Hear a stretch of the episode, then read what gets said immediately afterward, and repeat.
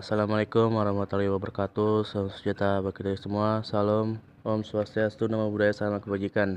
Gua Bana sebagai host di podcast Sana Antau sekarang ini eh, bersama teman gua nih. Entah kenapa pas corona nih dia nekat banget ini buat balik. Coba lu deskripsi eh, kenalan diri lu, lu siapa? Eh, umur berapa? Jurusan apa? Semester berapa dan eh, di universitas apa? Sok, waktu dan tempat dipersilakan. Nama gua Boy Siombing, Ah itu mah boys tau gue nama panggung lu. nama panggung. Tapi nama asli gua Pardutan Salomo. Biasa orang-orang manggil gua Boy. Terus Ah. gua kuliah di Universitas Samratulangi di Manado jurusan Ilmu Admi- Administrasi Negara. Nah, sekarang semester 6 dan umur gua 22 tahun. Wah, 22. Hampir sama eh, sama sama ya kayak gitu gua ya. Eh dua 22 tahun ini 22 atau 23 sih lu? Tahun ini udah ada tiga sih. Oh, ya ibaratnya sama kan. Ah. Iya. Oke, eh, ini kita membahas tentang yang perjalanan hidup lu merantau di tanah Manado. Sebenarnya Manado itu terkenal sebagai apa sih? Jadi gua pertama-tama gue ceritain dulu kisah hidup gua. Gua sebelumnya kuliah di Jakarta di Kalbis. Gua kuliah cuma sampai satu tahun dari 2016 sampai 2017. Gue masih jurusan akuntansi. Nah, menurut gua akuntansi itu awal-awalnya sih kayak kayak di SMA pelajaran SMA. Kayak belas dasar-dasarnya kan. Tapi pas ketiga semester 2, wah gua udah mulai ngeblank nih. Udah soalnya udah bermain-main udah bermainnya lebih parah lagi akuntansi main pajak dan sebagainya karena kan sebelumnya tuh semester 1 akuntansi bahasa Inggris ke akuntansi itu kan beda dengan bahasa Inggris diterjemahkan bahasa Indonesia nah semester 1 gue masih ngerti kan tentang debit kredit dan sebagainya tapi menjelang semester 2 itu wah di situ gue udah mulai gak ngerti udah mulai jarang masuk apalagi matematika ekonomi itu gua gua kaget tuh pas ada pas masuk semester 2 ada matematika ekonomi sedangkan gua lemah di matematika. Sedangkan akuntansi aja lu banyak-banyakin ke angka-angka ya, kenapa? iya itu gua akuntansi masih bisa gua masih gua bisa gua usahain kan. Oke. pas di matematika ekonomi gua udah mulai nggak bisa tuh. Di situ gua mulai kontrak bawah tuh. Akhirnya kebetulan tahun itu juga pas 2017 ada SBM gua daftar Manado awalnya gua gua ngambil di SBM tuh ada tiga di Bandung sama di Manado Oh, di Bandung 2, Manado 1 gitu. iya Oke, terus akhirnya gua terima di Manado mungkin sudah diatur sama yang di atas Oke, eh kita bahas dulu sebentar tentang yang si Kalbis ini.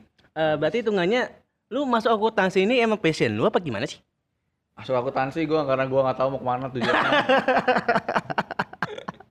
Sih, saya nggak tahu lu ke mana. Berarti hitungan lu salah jurusan dong awalnya lu. kalau gua bilang salah jurusan tuh salah jurusan tuh di semester 2 pas di gua udah mulai nyadar wah gua salah jurusan nih Nggak masalah kenapa lu baru nyadar di tahun bias pas di semester 2 itu ya satu tahun belakang itu berarti hitungannya lu nggak tahu gitu passion lu di mana gitu.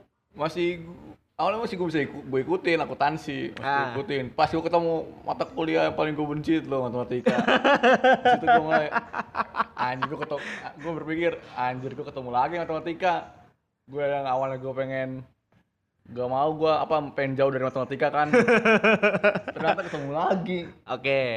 Nah, itu kan lu ikutin SBM kan. SBM kan pasti hitungannya ada MTK juga ada hitung-hitungan juga dong. SBM matematika gue pakai feeling gue Wih, tapi gue SBM gue gue lebih kembangin ke daerah bahasa Inggris bahasa Indonesia dan sosum. Itu gue mulai gue maksimalkan. Sedangkan matematika gue pakai feeling. Oh, oke, berarti hitungannya kayak itu kancing-kancing lah ya. iya. Oke, ba- makanya lu masuk ke ah, ilmu administrasi negara. iya masuk negara. Nah, ini yang jurusan lu ini emang passion lu ini apa gimana? awalnya gue pengen masuk hukum kan. Tapi gue ambil pertama hukum kedua ilmu administrasi negara. Karena setahu gue administrasi negara tuh mencakup pelajaran ke semuanya. Mulai dari ekonomi politik sama satu lagi hukum. Dan akhirnya nggak tahu kenapa gue pilih di ilmu administrasi- administrasi negara. Hmm, mungkin karena Tuhan pengen gue itu kali menguasai tiga-tiganya nggak salah satu kayak di hmm, ambil hukum. Oke, oke, oke. Nah, terus lu hitungannya kan apa? Eh, milih ke apa ya? Ke Manado di Unsrat. Emang lu pentingin jurusannya dulu apa pentingin universitasnya dulu?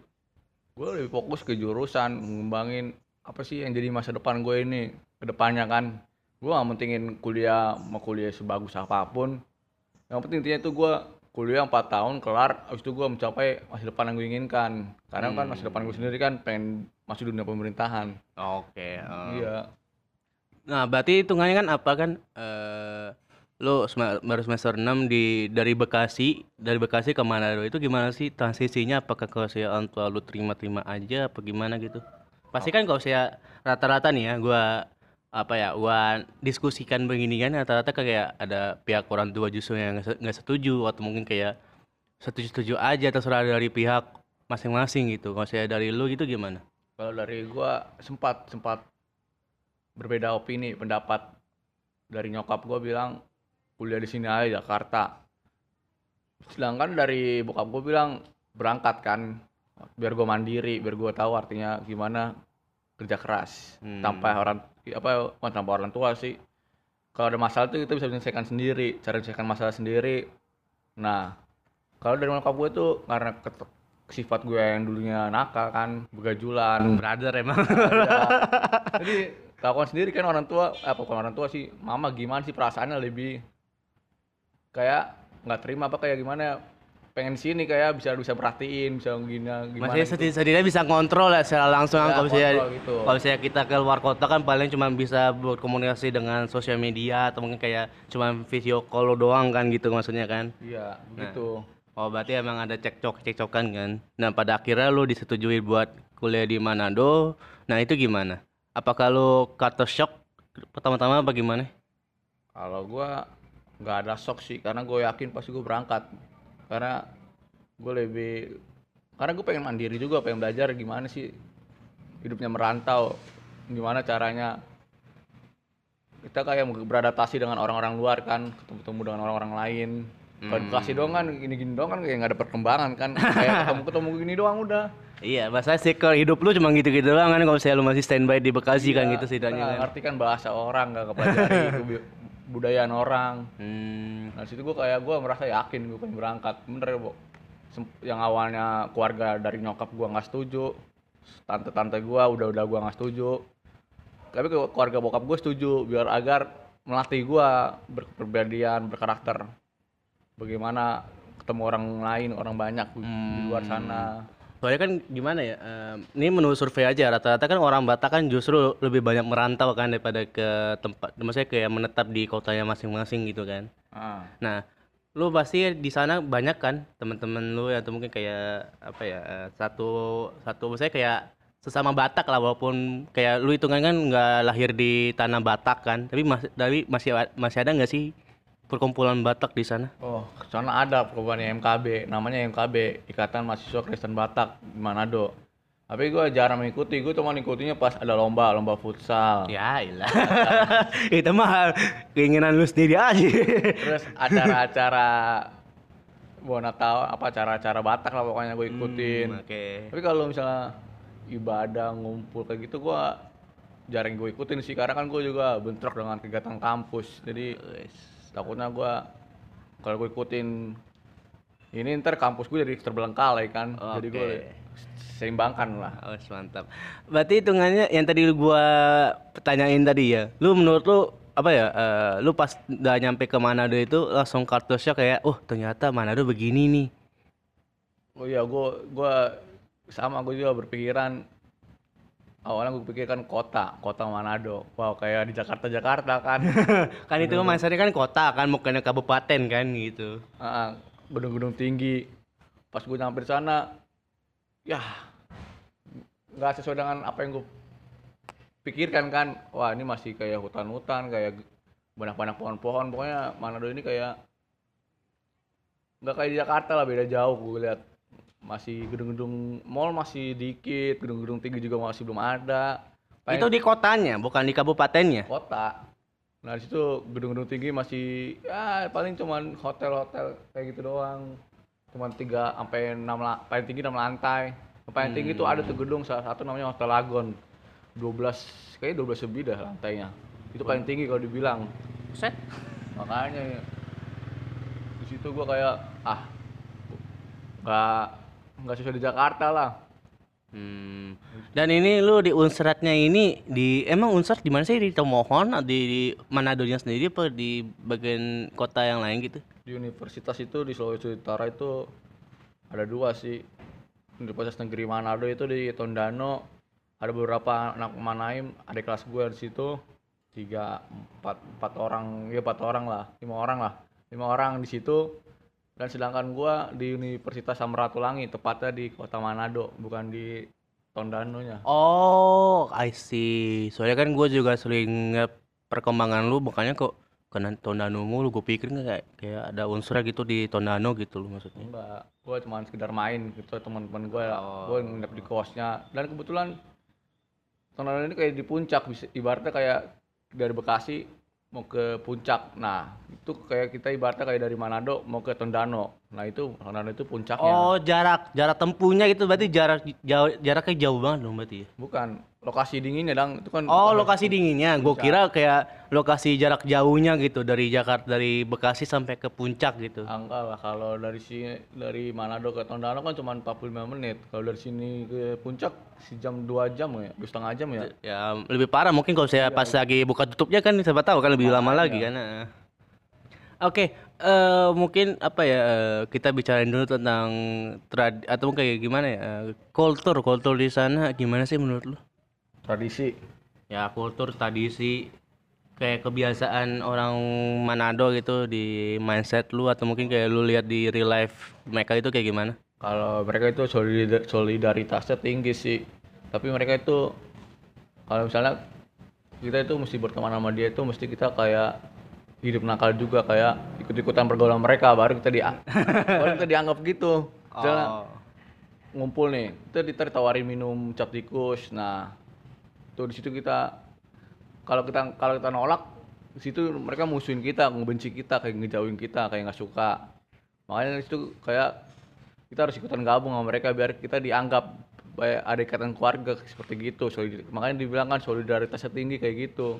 Terus kalau ber, sama agama-agama lain tuh juga mereka solidaritasnya tinggi ada Islam situ ada Buddha juga ada Hindu Hmm, makanya sampai ada dibikin juga kan patung Tuhan Yesus itu kan sama kayak di Brazil gitu kan. Iya, terus gua apa tuh di situ kan juga dulu tuh sempat tuh Manado terkenal kota solidaritas pertama tertinggi. Pertama dan solidaritas yang pertama di karena kan mereka itu berbeda-beda agama tetap satu tetap satu nggak nggak berantem nggak kayak di Jakarta kan Iya. serusuh kayak menolak ajaran lain yang kayak ditutup lah dengan gereja kalau mereka enggak Berarti hitungannya izin untuk mendirikan gereja di sana aman ya, nggak sesusah di Indonesia kan? Eh, nggak sesusah di Jakarta kan? Iya nggak susah di Jakarta begitu. Hmm.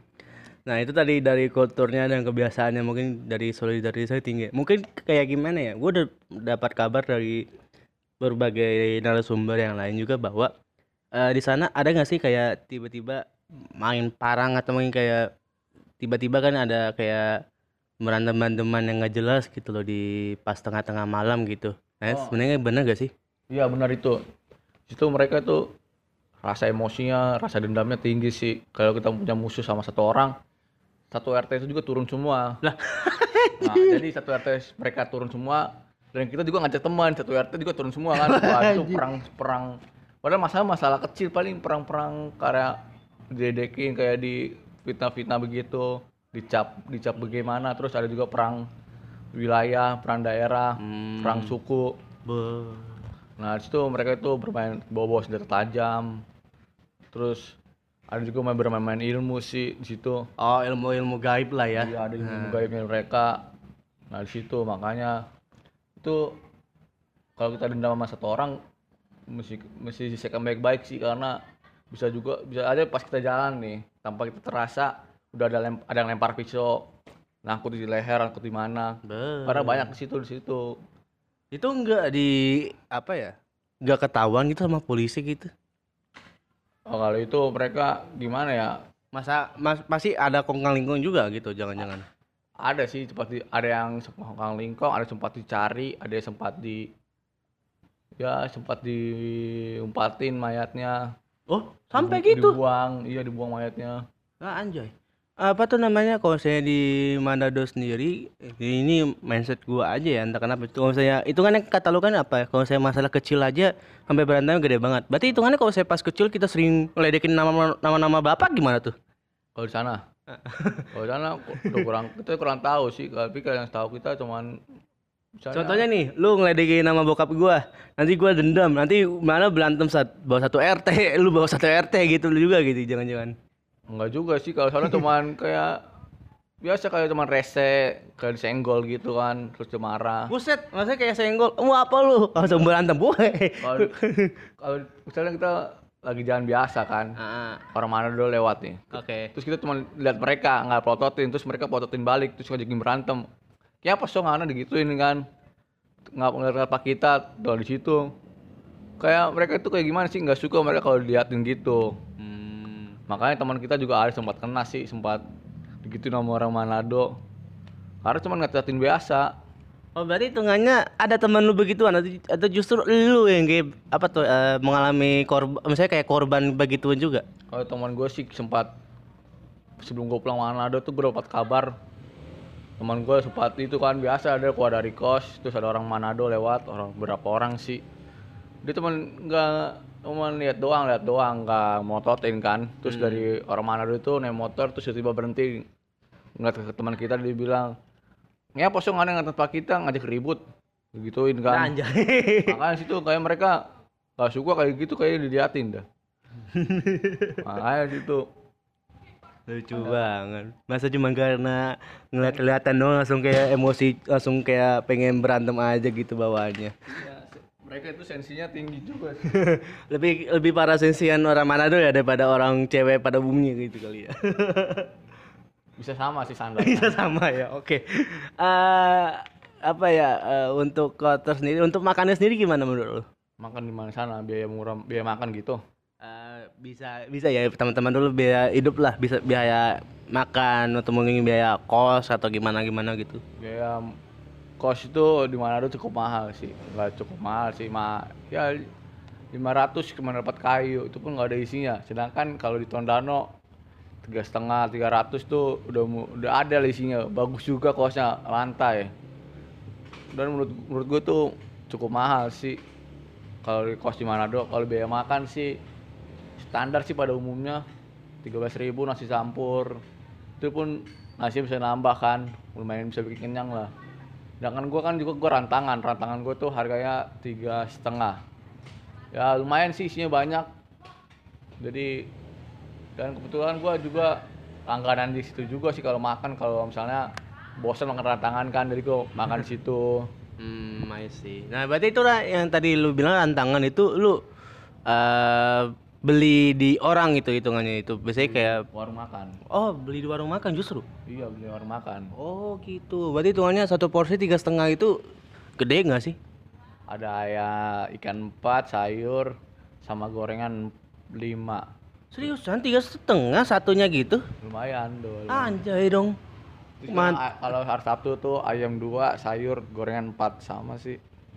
Oh, cuma lauknya doang. Oke. Kalau gua tanpa nasi, kalau nasi gua masak masak sendiri di rice cooker. Oh, I see. Tapi lumayan loh tiga setengah loh. Iya itu kebetulan tuh dia emang orang Manado sih, tapi istrinya orang Sunda. Jadi Hmm, I see. lumayan baik lah mau gua kalau dibilang. Baru kali ini gua nemu rantangan murah sih, tiga setengah terus ke banyak. Iya, hitungannya kan lumayan kan buat anak kos gitu kan, apalagi Kalau gua makan di sana tuh sepuluh ribu nasi campur tuh. Biasa biasa kan kalau di warung makan lain tuh tiga belas ribu, lima belas. Hmm. Tapi kalau di tempat dia itu sepuluh ribu, jadi lumayan naik. Lima ribu bisa gua tabung, tiga ribu bisa gua tabung. Oke, mantap. Iya, lumayan juga ya. Nah, untuk sebagai anak rantau sendiri kan lu udah bisa lah. Terkadang ada beberapa suku kata atau mungkin kayak gimana ya bilang ya? Bisa, lu bisa nggak sih bahasa Manado? Kalau sama Manado, kalau orang lain ngomong ke gua, gua lumayan bisa ngerti. Tapi kalau gua ngomong balik tuh dikit-dikit sih, nggak terlalu lancar. Tapi setidaknya kalau orang lain ngomong, gua ngerti dia ngomong apa. Hmm, coba lu bisa nggak introduce yourself? Pagi tadi hitungannya eh, sama kayak tadi lu bilang pada awalnya, lu pakai tapi pakai bahasa Manado gitu. Bisa nggak lu? Bahasa Manado kan sama aja, sama aja yang biasa umumnya. Sama aja. Tapi kalau kita ngomong kamu udah makan, dia ngomongnya nganas so makang kayak gitu. Tapi kalau perkenalkan intro diri sendiri, nama, jurusan sama aja kayak bahasa Indonesia. Oh sama aja. Apa apa sih yang perbedaannya gitu menurut lu? Apakah kalau misalnya di bahasa mana itu sama kayak bahasa Sunda justru kayak ada buat orang tua atau mungkin kayak sesama atau mungkin kayak yang dibawa ada yang buat kayak kata-kata kasarnya atau mungkin kata positifnya gitu ada nggak sih kalau di Manado itu menurut lu? Kata kasarnya sih ada bahasa Manado. Contohnya kayak gimana? Pemai, Pemar, Keode, itu kata-kata kasarnya. Itu artinya apa tuh? Wah itu parah sih itu. Berhubungan dengan jenis kelamin cowok cewek. Oke. Parah sih. ya pokoknya udah lah. Lah. Oke, mungkin apa ya kalau saya kalian pendengar dari apa ya podcast Sananto bagian Manado yang mungkin apa ya nggak gua nggak juga nggak apa nggak tahu sih artinya apa. Nanti coba lu apa ya DM-in aja apa artinya biar gua siapa tahu kan gua bisa sensor gitu kan. Iya kan soalnya kan gua nggak juga nggak tahu lu nggak kasih tahu. Kalau saya lu kasih tahu kan setidaknya gua bisa bisa ngesensor ya maksud gua gitu. Jangan mah. Oke siap. Eh bagian Manado, eh mis- lu udah di Manado ini kan hitungannya udah lebih dari dua eh tiga setengah tahun lu ya sekarang? Tiga Tiga, tiga tahun. tiga tahun oke tiga tahun lu udah pernah ke mana aja sih Gua teman ke Tonda. Udah gua udah keliling Minasa gua Minasa Utara udah ke Bitung, ke jalan-jalan ke pantai, terus ke Mitra sudah, ke tempat teman gua waktu pengucapan. Mina terus ke Air Madidi udah, Minasa Selatan, Tondano, Tomohon. Pokoknya udah lah gua udah keliling Minasa. Kalau kalau ini coba cek Instagram gua. Iya. Promosi kan. Iya Instagram lu di mana tadi Ada et aja I am boy shopping. Oke, mungkin apa paling nanti gua bakal ngetek kok, tenang aja. Nanti kan siapa tahu kan kali kalian peta kepo kan tadi perjalanan hidupnya dia kayak gimana. Eh berarti hitungannya lu pilih gunung atau pantai? Gue belum ke gunung sih, tapi gue udah ke pantai. Pantai udah kekunjungin semua di situ. Enggak maksud gua, lu lebih prefer mana? Pantai atau gunung? Gue lebih ke enak ke pantai. Di situ tenang, sejuk. Terus enak lah gue bisa relax lah istilahnya. Di, Jadi kayak ada senja gitu kan, main gitar iya, di sunset gitu lah kan. enak milih pantai sih. Hmm. Apa jangan-jangan lu nembak cewek di pantai juga? Oh belum itu. Mungkin rencananya waktu gue mau ngelamar situ prawedding. Waduh, waduh, waduh, Gua udah waduh. nyiapin nih prawedding di Pulau Cinta itu di Gorontalo. Tapi udah ada belum yang itu Pasangan. pasangannya? Lagi dicari sih. Enggak ada. Masa iya udah ngeplan dulu kan sih lu? Kan nanti siapa tahu kan dari yang lu suka tiba-tiba dengar podcast ini, loh ternyata si boy mau ngelamar gua di Pulau Cinta nih. ya kan? Enggak maksud gua kalau saya setidaknya kan kalau ada, ada lamaran itu setidaknya kan udah punya ada gandengan dulu kan ya. Ini lu udah langsung pikiran duluan gitu maksud gua. Ya, gue udah, gue emang begitu. Gue suka rencanakan dari awal kan. Tapi nggak tahu nanti ke depannya gimana ya. Kalau Iya kan? ke depannya nggak tahu gimana, mungkin kalau gue udah punya pacar mungkin bisa disepak di ngomongin berdua kan. Oke. Tapi dari rencana gue pribadi gue pengen di situ. Oh, nanti itu kan eh, baru satu misi doang kan. Belum lagi ke kalau saya lu udah punya pasangan lu diskusiin gimana lebih jauhnya. Nanti ya kalau saya dijadi di situ ya di situ atau mungkin kayak ada rencana yang lain gitu gitu, Dan gitu juga kan. sama dia. Iya. Kan ada yang tahu. iya, perjalanan kita tidak ada yang tahu. Lu pas tanggal tua itu lu pernah minjem-minjem orang gak sih? Ngincer orang. Minjem-minjem, minjem. Duit orang gitu. Atau Wah, mungkin kayak life hack lu pas tanggal tua itu kayak gimana? Gue tanggal tua itu ya nggak pernah sih gue jam duit duit orang sih. Cuman kalau gua ada ini gua misalnya gue kasih duit sama ada yang berkati gua nih ada yang ngasih duit. Saudara gua misalnya ngasih duit berkati gua gua tabung. Buat keperluan mendadak misalnya ada situasi misalnya gua mau beli buku nih disuruh beli buku. Nah gua udah ada kan tabungan gua. Nah itu gua udah belajar nabung sih dari semester 1 jadi untuk jaga-jaga untuk ke depannya kan situasi mendadak. Itu perlu itu. Jangan memikirkan pas kita ini tapi mikirkan pas situasi mendadak doang sih kalau gue itu. Ya sediakan kan gue ada tabungan buat jaga-jaga. Hmm, berarti hitungannya lu di Manado sendiri ada saudara lu juga dong berarti ya? gue nggak ada saudara di Manado. Tapi kalau dari Siombing Siombing itu baru kemarin gue ikut acara bola tahun Siombing tuh. Baru kemarin berapa hari bulan yang lalu tuh.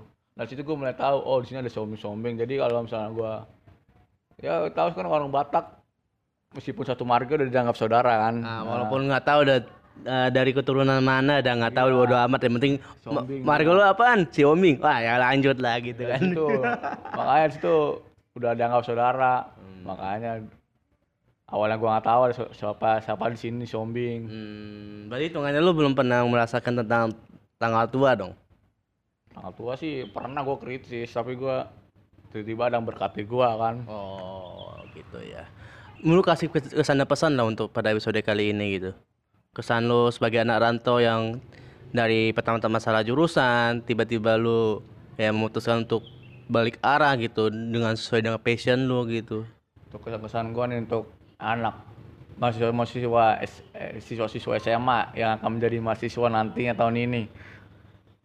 Coba sebelum menca mendaftarkan diri di jurusan mana, coba berpikir sesuai passion kalian masing-masing. Jangan sampai kayak gua saya jurusan terus akhirnya ngulang lagi tahun depan. Seharusnya kalian lulus tahun 2000 berapa dan akhirnya teman kalian udah lulus tahun segitu, kalian jadi tahun depan lagi lulusnya kan yang aturan kalian bisa bareng-bareng jadinya ketinggalan sama teman kalian. Lebih baik pikirkan matang terus sesuai dengan passion kalian terus tanya Tuhan bener nggak atau gimana? Terus tanya Tuhan mau kuliah di mana?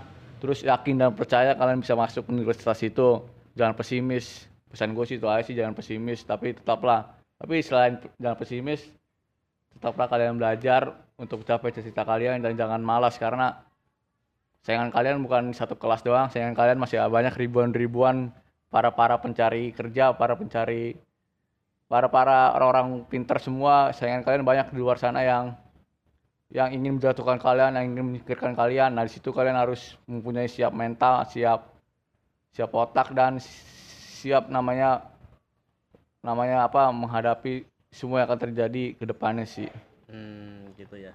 Mungkin ada lagi nggak sih yang lu pengen sampaikan gitu di luar apa tuh kayak siapa tahu kan ada dari gua gitu lupa nanyain hal tentang apa gitu yang perjalanan hidup lu selama lu merantau di Manado gitu.